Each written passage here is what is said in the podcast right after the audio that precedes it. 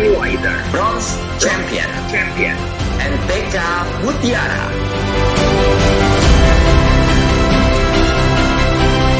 NPK Mutiara.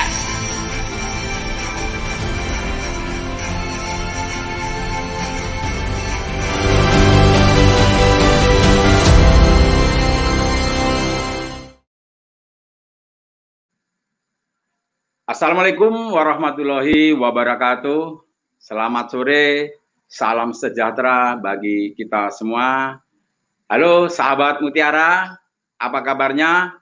Nah, di Temu Tani Online episode ini, saya yang akan menemani sahabat Mutiara. Biasanya kan Pak nih yang nemanin. Sementara waktu ini saya menggantikan beliau karena beliau berhalangan. Oke sahabat Mutiara, di Temu Tani Online kali ini saya ditemani oleh rekan saya di seberang pulau, yaitu di Pulau Kalimantan. Salah satu skuad e, mutiara kita di Provinsi Kalimantan Barat. Beliau adalah Bapak Sony Ardiansah yang akrab dipanggil Pak Sony, area manajer wilayah Kalimantan Barat. Nah, pada e, episode ini beliau akan membahas tentang tanaman kelapa sawit. Nah, tanaman kelapa sawit di awal tahun ini alhamdulillah harganya sangat luar biasa bisa tembus di angka 2.300 memang harga yang cukup menggiurkan bagi eh, petani kelapa sawit di seluruh Indonesia. Nah, bicara produktivitas nanti Pak Sony ini akan menjelasnya menjelaskan khusus soal panen, nah, produksi dan produktivitas kelapa sawit ton per hektar per tahun. Sahabat Mutiara, eh, seperti biasanya sebelum kita mulai, saya ingin mengingatkan sahabat Mutiara, jangan lupa like video ini, kemudian subscribe di YouTube kami, dan pentung tanda loncengnya. Kemudian, jika ingin berdiskusi dengan kami, kami ada grup diskusi di Telegram. Kalau mau bahas pemupukan konvensional, ada di grup komunitas NPK Mutiara. Sahabat Mutiara yang hobi berhidroponik, kalau mau e, berhidroponik ada di hidro, grup kita hidroponik Mutiara. Dan e, kalau pengen bergabung kedua-duanya silakan. Oke, e, mungkin Pak Sony sudah stay di e, Kalimantan. Halo, assalamualaikum Pak Sony. Waalaikumsalam Pak Alan. Gimana kabarnya Pak Sony? Alhamdulillah sehat Pak Lan. Gimana Pak Lan sehat kan? Alhamdulillah sehat Pak Seni. Saya lihat Pak Seni ini ya uh, tambah muda aja, glowing ini. Uh, udah lama nggak jumpa Pak Seni ya. Iya Pak Lan. uh, gimana uh, kelapa sawit di Kalimantan Pak Soni? Untuk saat ini harga TBS masih cukup bagus Pak Alan. Jadi masih di kisaran 1.600 sampai 1.900-an lah di pengepul untuk di pabrik antara 1.900 sampai 2.100 lah. Mungkin sama juga dengan di Sumatera Pak Lan ya. Sumatera alhamdulillah uh, di kalau di pabrik angka ring 2.200 sampai 2.300 Pak Sony. Jadi alhamdulillah harga sawit di tahun pertama tahun 2021 ini alhamdulillah. Selain sawit uh, lagi musim apa nih Pak Sony di Kalimantan ini? Uh, selain sawit sih jeruk Pak, jeruk Pontianak juga cukup familiar. Jadi saat ini juga ada panen tapi bukan panen raya sih, bukan panen puncak untuk jeruknya.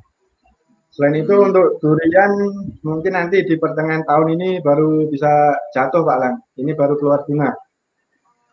Oh, durian memang ah, saya ingat durian enak sekali durian Kalimantan. Kabarnya Pak Suni kan belum merasakan ini, cuma gambarnya dapat kan, alhamdulillah kan itu Pak Suni ya. Makanya main sini Pak Lan. Nanti ah, merasakan Allah, pandemi berakhir kita luncuran ke sana Pak Suni. Diberi umur panjang. Amin amin. Oh ya Pak Sony uh, dan sahabat Mutiara di Indonesia, pada temu tani online kali ini kita tentang membahas kelapa sawit khususnya soal panen produksi dan produktivitas. Kita ada tiga sesi Sesi pertama adalah pemaparan materi yang akan nanti dipresentasikan oleh Pak Sony.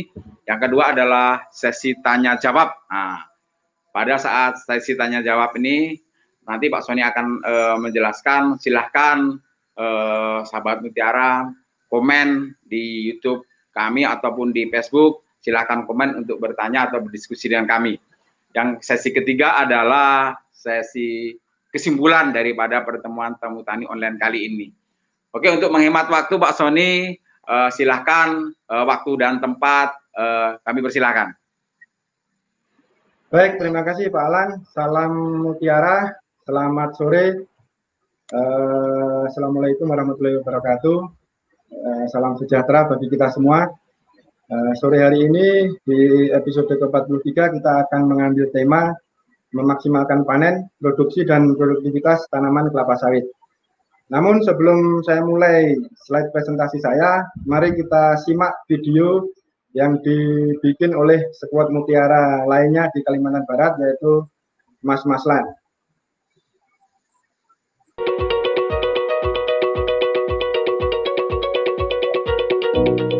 warahmatullahi wabarakatuh.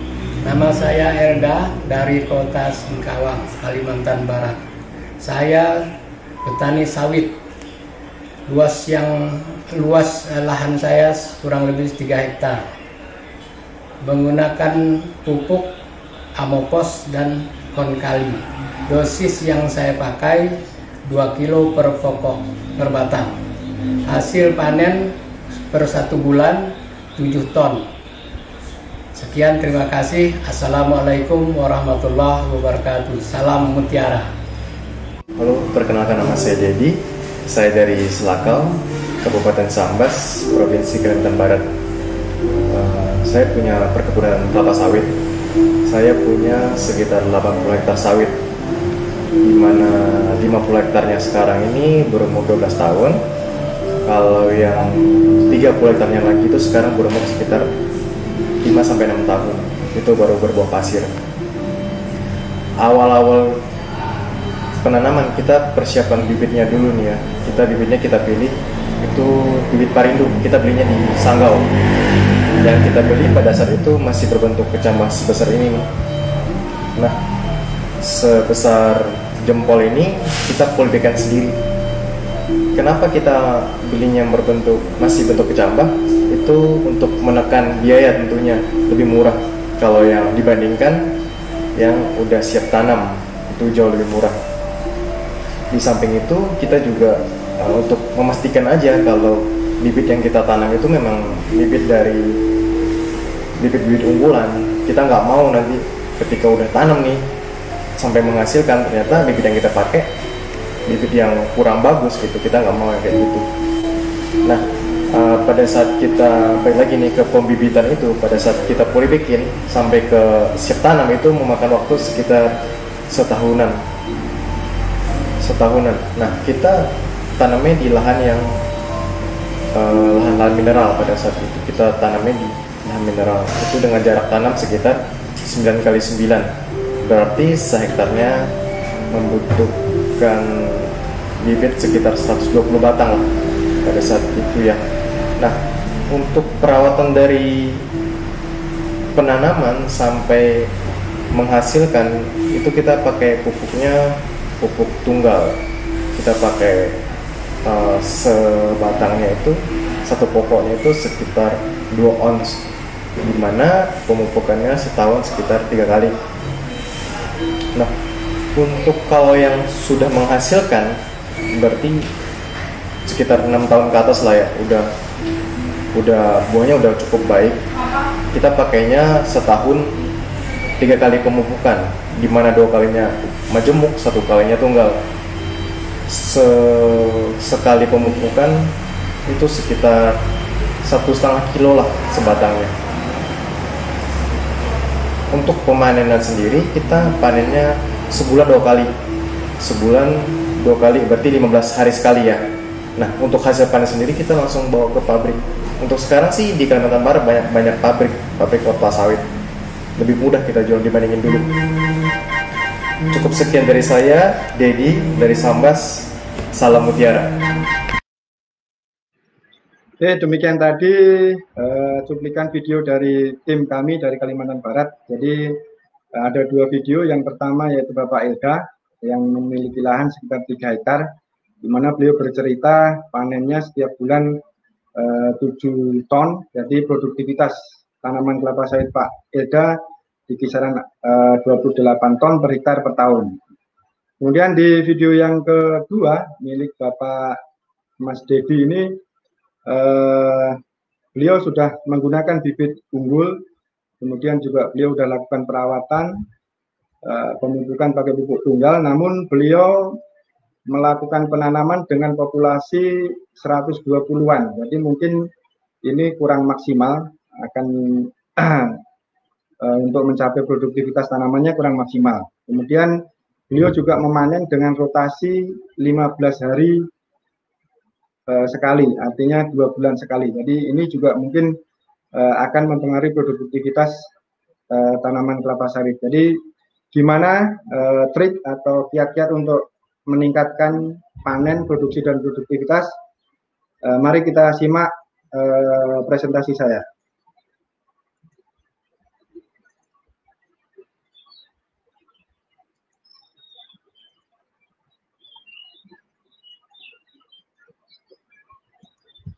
Oke, memaksimalkan panen, produksi, dan produktivitas kelapa sawit. Jadi kita ambil tema ini karena ujung semua kegiatan uh, perkebunan atau pertanian adalah panen. Jadi uh, semua yang diharapkan dari yang kita usahakan adalah uh, masa panen ini. Jadi panen, produksi, dan produktivitas kelapa sawit ini bagaimana supaya maksimal.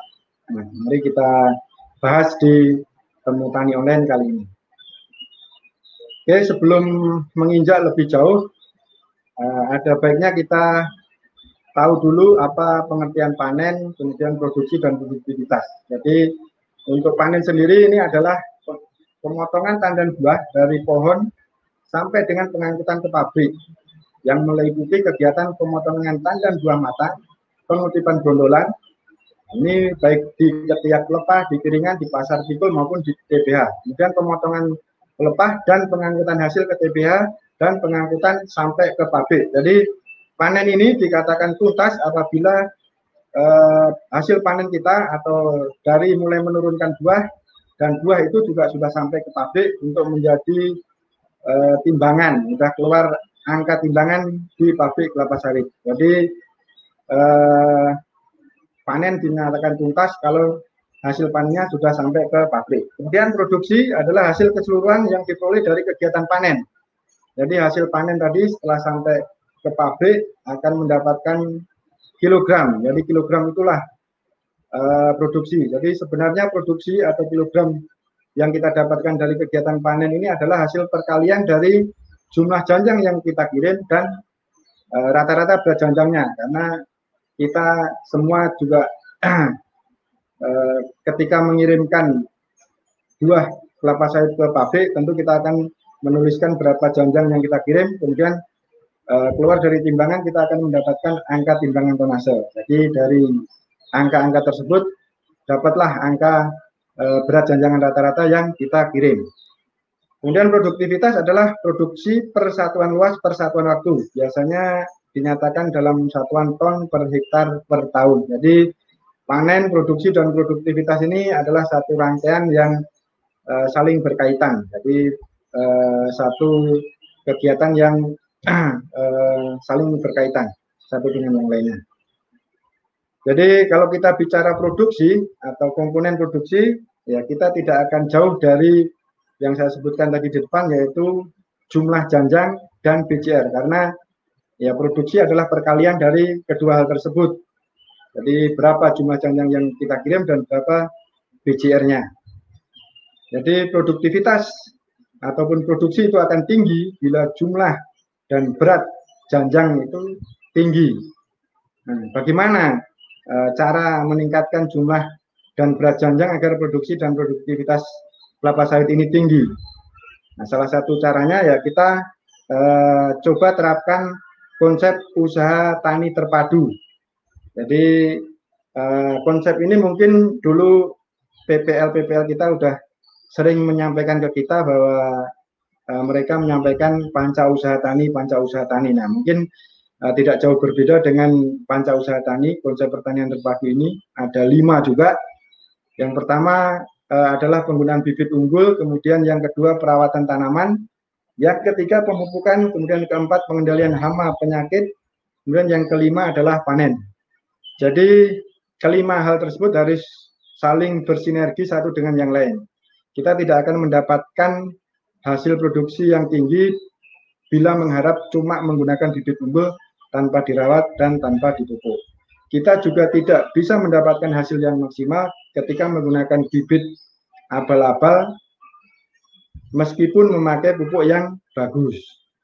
Demikian juga dalam manajemen panen juga kita harus perhatikan untuk uh, supaya hasil produksi dari kelapa sawit kita maksimal. Jadi nanti kita akan bahas satu persatu uh, mengenai konsep pertanian terpadu ini. Yang pertama adalah penggunaan bibit unggul. Jadi uh, ini adalah mutlak kita perlukan karena usaha pertanian kelapa sawit kita kita mulai dari sini.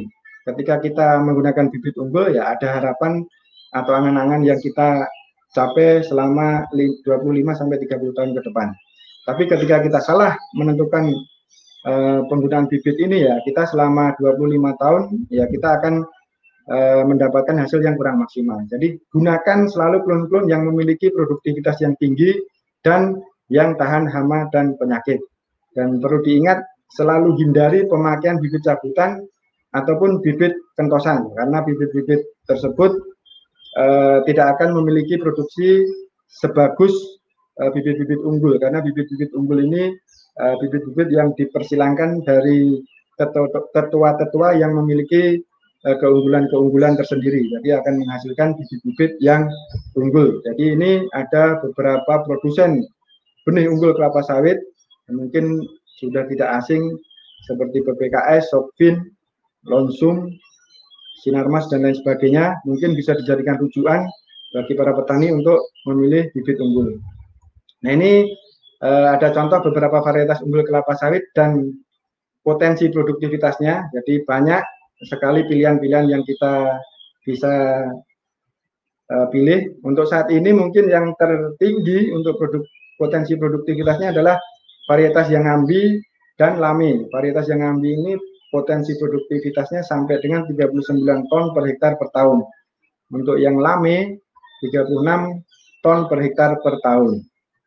Nah, ini tinggal kita mau pilih varietas yang mana yang bisa kita dapatkan di lokasi terdekat dengan kita. Nah, ini e, contoh standar produksi dari salah satu produsen benih kelapa sawit ini berdasarkan umur dan berdasarkan kelas lahan. Jadi S1, S2, S3 ini adalah kelas lahan. Untuk S1 ini kelas lahan ideal atau lahan bagus lah. Kemudian S2 ini lahan sedang atau kurang bagus. Kemudian lahan yang ketiga ini adalah S3 ini lahan yang kurang bagus. Jadi eh, tiap-tiap eh, eh, benih ini bila ditanam di lahan yang berbeda tentunya memiliki produktivitas yang berbeda pula sesuai dengan uh, tingkat kesuburan tanah. Nah, bisa kita lihat di sini, uh, di sini juga dicantumkan jumlah janjang dan berat janjang. Karena memang kedua hal inilah yang uh, kedua perkalian dari dua hal ini yang menjadikan angka-angka produktivitas ini keluar. Jadi yang perlu kita garis bawahi di sini bagaimana kita menyelamatkan semua janjang yang ada di pokok ini sampai ke pabrik dan BCR-nya ini supaya maksimal. Jadi ya untuk mencapai produktivitas ya dua hal itu harus kita maksimalkannya. Jumlah janjangan harus maksimal, BCR juga harus maksimal. Ini sambungannya. Kemudian konsep pertanian terpadu yang berikutnya adalah perawatan tanaman. Nah, setelah kita memilih bibit unggul, kita juga harus perhatikan untuk perawatan dan ini bisa kita mulai dari seawal mungkin yaitu mulai pada saat penanaman. Jadi penanaman ini terkait dengan jarak tanam atau populasi tanaman per hektar. Jadi ini sangat menentukan produksi atau atau produktivitas.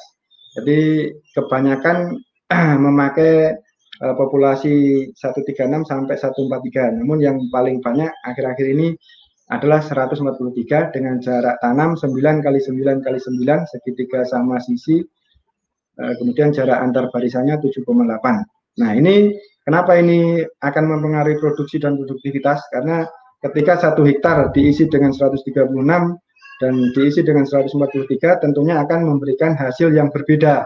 Jadi eh, setelah memilih bibit unggul kita harus segera tentukan populasi per hektarnya.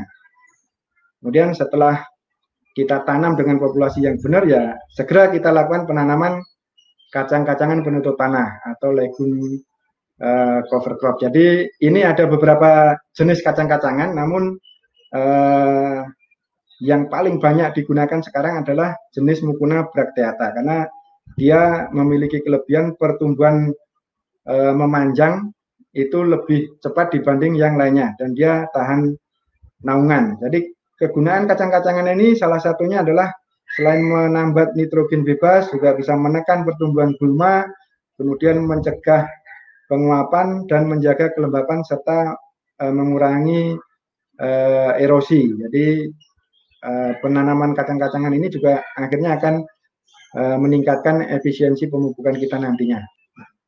Dan yang berikutnya adalah uh, pengendalian gulma. Jadi ketika di lingkungan pertanaman kita ada tanaman pengganggu seperti anak kayu, pakis, dan ilalang harus kita kendalikan. Ini bagi para planter biasanya menjadi haram adanya kalau sampai lahannya ada anak kayu, pakis, dan alang-alang. Ini harus kita bersihkan dari lahan kita. Namun perlu diingat juga harus dihindari eh, kondisi lahan yang clean weeding atau nggak ada rumput sama sekali. Jadi ini juga tidak tepat karena eh, ini juga bisa mengundang ini menyebabkan tanaman bisa terserang ulat api nantinya karena tidak ada rumput sama sekali di area kita.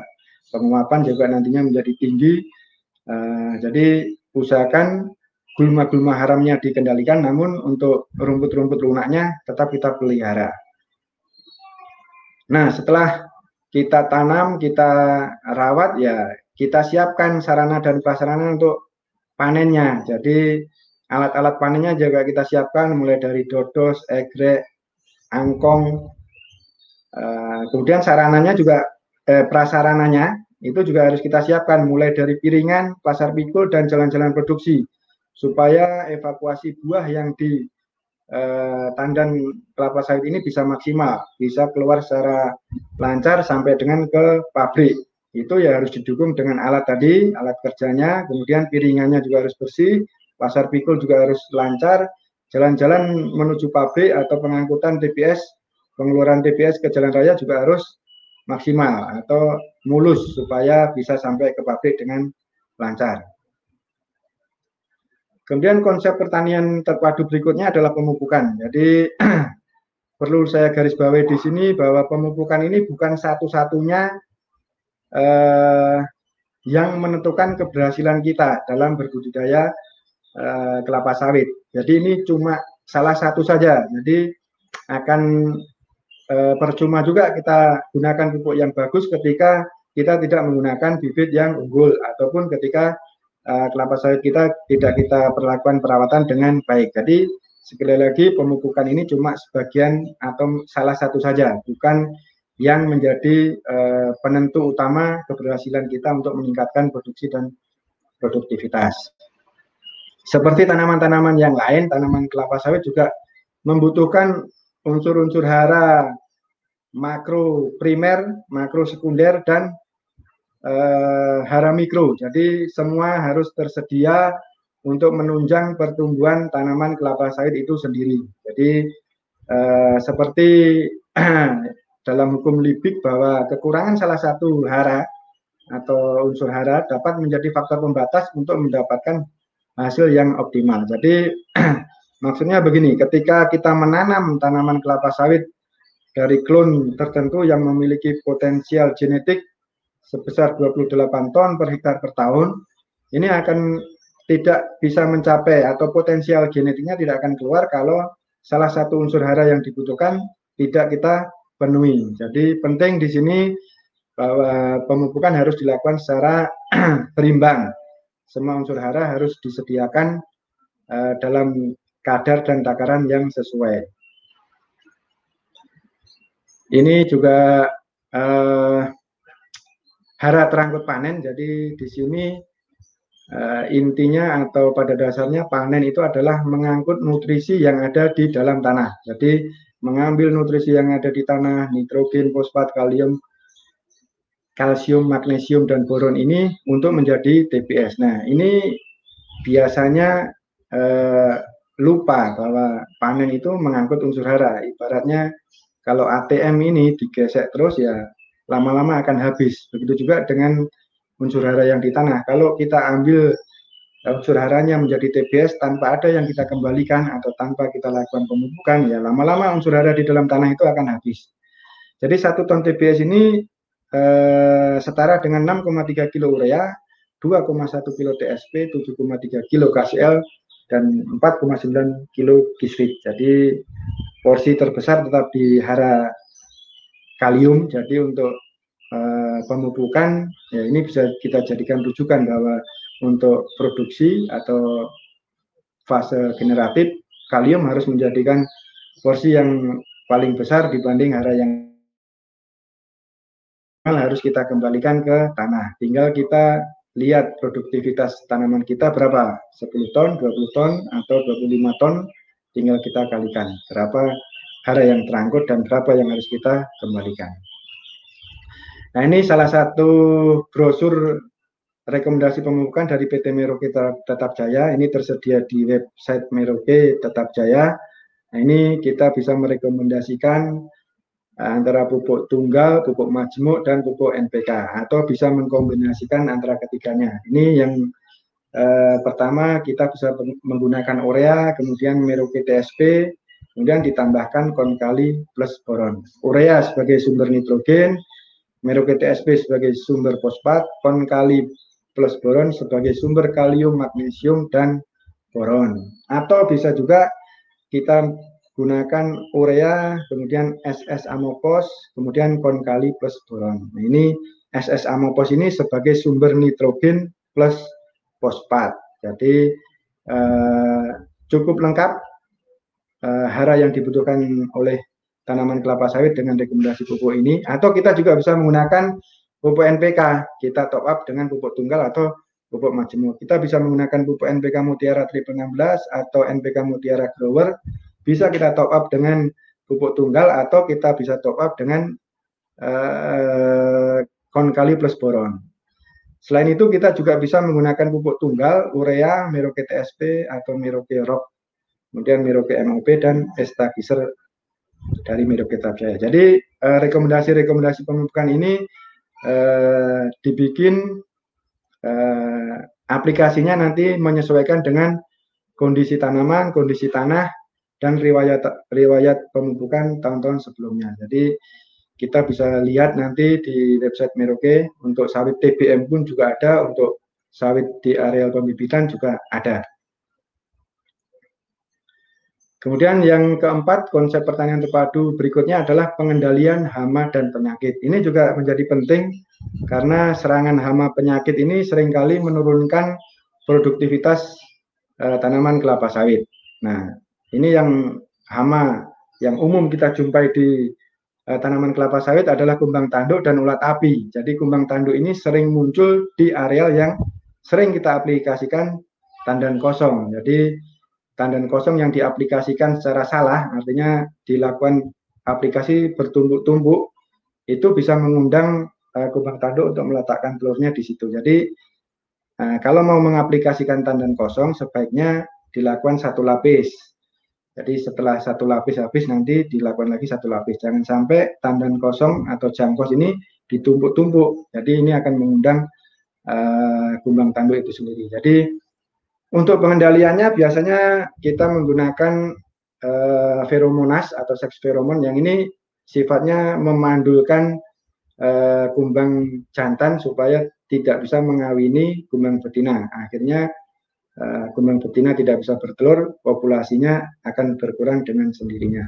Kemudian yang kedua ulat api. Nah ini ulat api ini juga cukup mengerikan serangannya kalau sampai terserang itu biasanya uh, yang tersisa tinggal lidi-lidinya aja. Jadi batang kelapa sawit pelepah tinggal lidinya. Daunnya habis dimakan oleh ulat api ini. Jadi untuk pencegahannya biasanya uh, atau penanggulangannya biasanya dilakukan fogging atau pengasapan pada malam hari dan untuk pencegahannya bisa kita tanam bunga uh, pukul 8 atau bunga pukul 4 atau Turnera subulata di mana dia tanaman ini sebagai uh, inang dari predator dari ulat api. Jadi itu yang paling dominan walaupun masih ada mungkin babi dan lain sebagainya tapi untuk di tanaman TM mungkin dua hama ini yang sering kita jumpai. Kemudian untuk penyakitnya adalah uh, busuk pangkal batang, ganoderma, penyakit tajuk atau crown disease dan busuk buah. Nah, ini juga uh, menjadi momok bagi petani penyakit ganoderma ini. Uh, ini harus kita pada saat kita melakukan uh, penanaman uh, sanitasi lahan ini harus benar-benar bersih karena uh, jamur ini serangannya juga penurunannya cukup tinggi. Jadi bahkan bisa mengakibatkan tanaman kelapa sawit itu uh, mati. Kemudian penyakit tajuk atau crown disease, nah ini biasanya ini sering kita jumpai uh, di tanaman-tanaman TBM. Jadi pelepahnya seperti melintir. Jadi kalau jumpa uh, kondisi yang seperti ini ya harus segera kita lakukan penyulaman karena tanaman uh, penyakit ini adalah penyakit genetik atau bawaan, jadi tidak bisa sembuh. Kalaupun nanti dipangkas yang melintir, nanti suatu waktu pasti akan uh, tumbuh lagi, melintir lagi. Jadi nggak ada gunanya karena ini dipupuk dengan dosis sama dengan tanaman yang sehat dan ini memiliki produktivitas sangat rendah. Jadi kalau jumpa seperti ini langsung melakukan penyulaman supaya jarak dengan tanaman yang lain tidak terlalu jauh. Kemudian busuk buah ini marasmius, jamur marasmius penyebabnya biasanya ini yang sering tidak melakukan kastrasi dan sanitasi di uh, eh, TBM3 atau awal tanam. Jadi buah-buah pasir yang tidak dilakukan uh, sanitasi ini juga uh, tidak dilakukan kastrasi ini menyebabkan busuk. Jadi penularannya juga cepat, akan semakin naik, naik, naik, naik. Jadi harus mutlak dilakukan kastrasi dan sanitasi pada TBM akhir, TBM 3 dan uh, segera juga dilakukan pruning. Uh, namun pelaksanaan pruning ini juga harus memperhatikan songkok pelepahnya, jangan sampai uh, pelepahnya digunduli.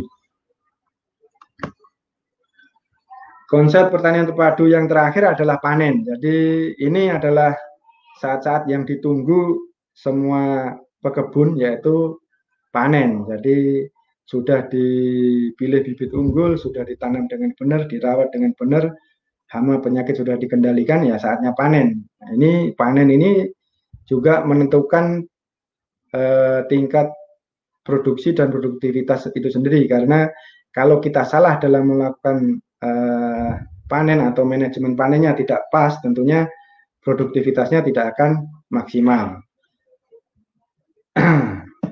Eh, manajemen panen yang pertama itu ini penting sekali mempertahankan rotasi panen 7 sampai 10 hari. Ini kenapa ini akan mempengaruhi produktivitas? Karena gambarannya begini, kalau suatu lahan ini dipanen dengan rotasi 7 hari, berarti dalam satu bulan akan dimasuki atau dipanen sebanyak empat kali.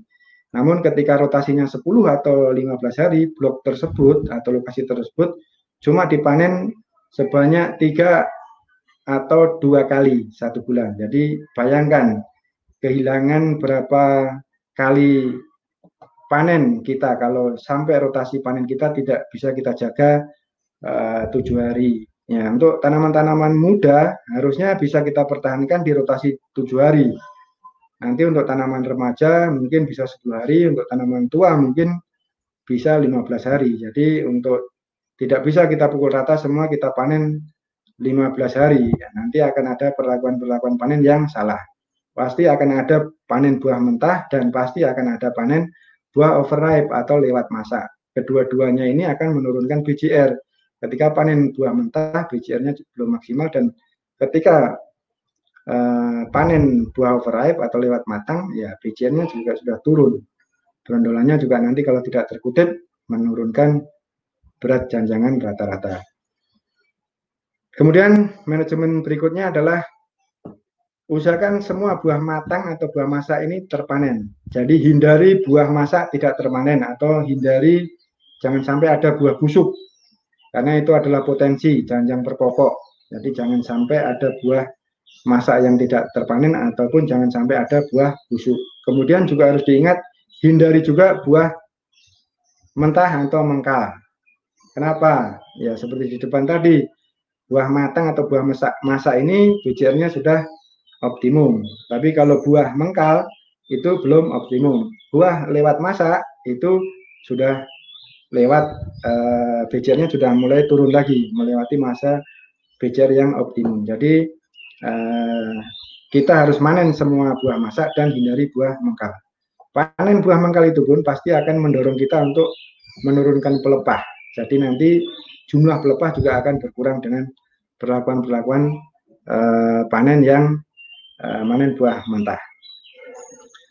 Kemudian yang manajemen panen yang ketiga adalah kutip semua brondolan, baik di ketiak, di pelepah, di piringan, pasar pikul maupun di DPH. Ini juga nampak sepele, tapi sebenarnya memberikan kontribusi yang cukup tinggi dalam meningkatkan produksi dan produktivitas.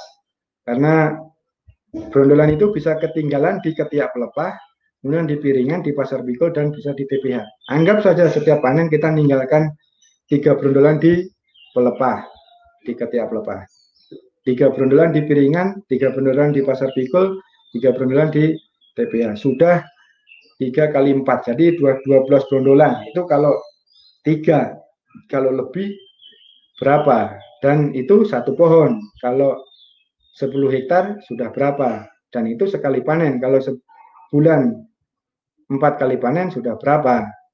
Nah ini nanti juga bisa dikalibrasikan satu kilo itu berapa jumlah brondolan. Kita akan tahu angka losis produksi kalau brondolan ini tidak kita kutip sampai ke pabrik. Pastinya BCR akan turun. Artinya kalau BCR turun produktivitas dan produksinya juga akan turun. Yang keempat juga harus dihindari buah restan atau tidak terangkut hari itu ke pabrik. Jadi sudah dipanen hari ini tapi hari ini tidak bisa terkirim. Mungkin terkendala cuaca atau jalan atau apa angkutan dan lain sebagainya. Jadi ini harus dihindari karena e, terjemur oleh terik matahari itu juga akan menurunkan berat janjangan rata-rata. Apalagi kita panen buah mentah di mana e, kadar airnya juga masih cukup tinggi, penguapannya juga cukup tinggi.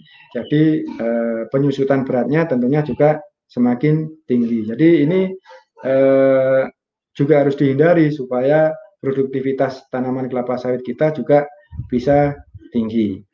Kemudian manajemen panen yang terakhir adalah mempertahankan jumlah pelepah antara 48 sampai 56 atau selama 2. Ini juga sering diabaikan karena kenapa ini bisa mempengaruhi produktivitas? Karena pelepah ini adalah uh, dapurnya tanaman. Jadi ketika dapurnya tidak cukup, tidak maksimal, tentunya uh, produktivitasnya juga tidak maksimal. Nah, ketika uh, pelepahnya cukup, tempat masaknya juga cukup, ya nutrisi yang dialirkan juga maksimal, BCR juga maksimal. Jadi ini penting. Selain men, bisa menurunkan BCR, ini juga bisa merangsang keluarnya bunga jantan. Jadi ketika kondisi tanaman stres karena kurang pelepah, tentunya yang akan keluar itu adalah bunga jantan. Jadi dalam satu spiral itu ada delapan pelepah. Kalau sudah keluar dua bunga jantan, otomatis potensi eh, janjang berpokok kita sudah berkurang dua. Karena setiap pelepah itu berpotensi membawa satu buah. Entah itu jantan entah itu betina. Jadi eh, harus kita jaga ini jumlah pelepah ini harus eh, antara 48 sampai 56 kalau masih menggunakan dodos mestinya masih harus songgo dua kalau sudah eh, menggunakan egrek mungkin songgo satu itu untuk tanaman-tanaman yang sudah cukup tua Oke, terima kasih. Mungkin ini yang saya sampaikan presentasi ini tadi eh, terkait dengan bagaimana kita meningkatkan panen, produksi, dan produktivitas. Eh, kalau ada pertanyaan nanti silahkan disampaikan di kolom komentar. Waktu saya kembalikan ke Pak Alan. Oke, terima, uh, terima kasih Pak Sony yang sudah menjelaskan dengan uh, sangat sangat jelas sekali tentang konsep daripada pertanian terpadu untuk tanaman kelapa sawit ya. Mungkin jika ada sahabat-sahabat petani Indonesia yang pengen berkomentar atau e, bertanya silahkan isi di komen kami di Facebook ataupun di YouTube. Tapi sebelum Pak Sony ini menjawab eh, pertanyaan-pertanyaan dari sahabat Mutiara, Mutiara eh, kita rehat atau istirahat sejenak dulu.